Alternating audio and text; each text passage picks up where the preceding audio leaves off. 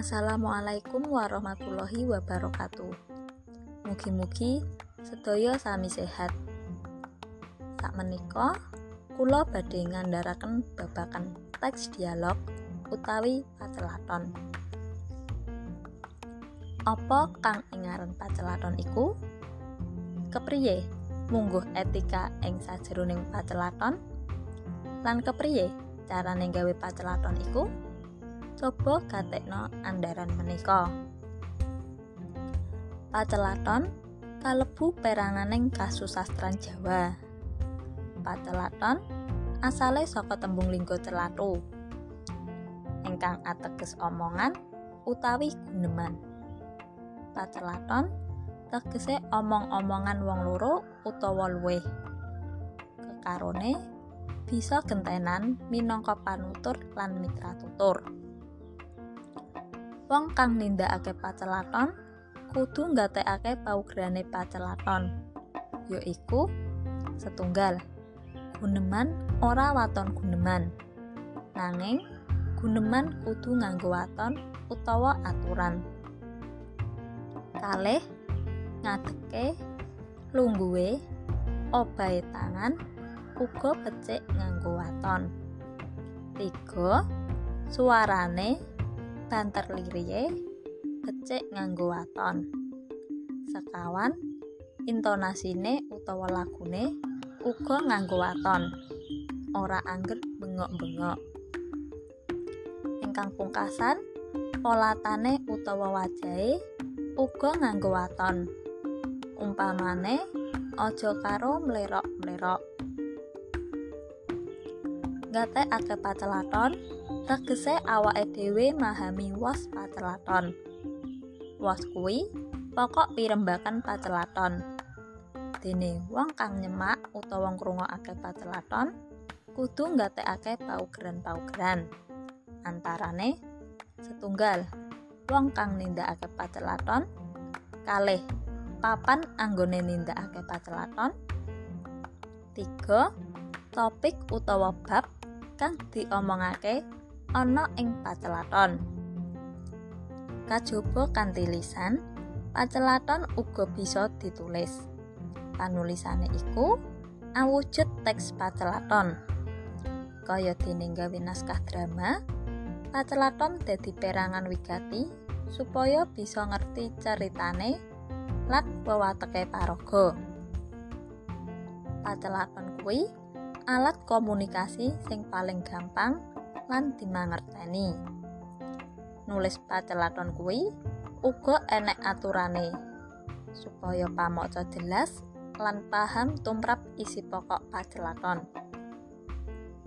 Paugeran nulis pacelaton ya iku setunggal nemtokake tema pacelaton, kalih nemtokake paraga lan nulis jenenge paraga utawa wong kang nindakake pacelaton. 3 sawise jeneng paraga diwenehi tandha titik loro. Sekawan pacelaton ditulis nganggo tandha petik loro kang nuduhake ukara langsung. Ingkang pungkasan nulisake katerangan arupa papan, wektu lan suasana ana ing jero kurung. Ana ing kabudayan Jawa, pacelaton diatur dening unggah-ungguh. Unggah-ungguh basa mau digunakake kanggo ngormati antarane wong siji lan liyane sing diajak guneman.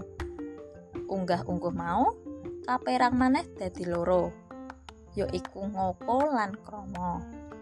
Dening ngoko lan krama uga kaperang maneh dadi loro, yaiku lugu lan alus.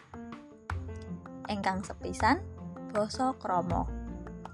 Basa krama kaperang dadi loro, yaiku basa krama lugu lan basa krama alus. A. Basa krama lugu. Basa krama lugu digunakake kanggo nyeritakake awake dhewe. Kanggo guneman karo kanca kang durung kulino lan guneman karo wong kang pangkat utawa derajate luwih cendhek nanging durung kulino. basa krama lugu tembunge krama kabeh. Ora kecampuran krama inggil. Tuladane Pakde kesah dateng Tawang Mangu nitih bis. Lajeng B basa krama alus. Basa krama alus digunakake dening yuswane luwih dhuwur saka sing guneman kayata wong enom marang wong tua anak marang bapak lan ibu murid marang guru lan abdi marang bendara. Basa krama alus yaiku tembunge krama kabeh kacampuran krama inggil. Tuladane Mbah Kakung midhangetaken siaran ringkit wacucal lajeng nomor kalih basa ngoko. Basa ngoko kaperang dadi rong jenis yaiku basa ngoko lugu lan basa ngoko alus. A. Basa ngoko lugu ngoko lugu digunakake dening wong kang srawunge wis raket. Wong tua marang anake utawa wong enom pimpinan marang andahane guru marang murite lan kanca kang sapadha-padha. Basa ngoko lugu tembunge ngoko kabeh. Tuladane yanto mlayu ngubengi lapangan. Lajeng B basa ngoko alus. Basa ngoko alus digunakake dening adi marang Mbak Yu utawa Kang Mase. Wong tua marang wong enom kang luwih dhuwur pangkate utawa kadudukane. Sarta wong kang wis rumaket anggone kekancan nanging padha dene kepengin ngajeni marang kang diajak omong-omongan. Basa ngoko alus tembunge kacampuran krama. Tuladane Pak D nembe sare ing kamar nggih menika ingkang saged kula andharaken Matur nuwun. Wassalamualaikum warahmatullahi wabarakatuh.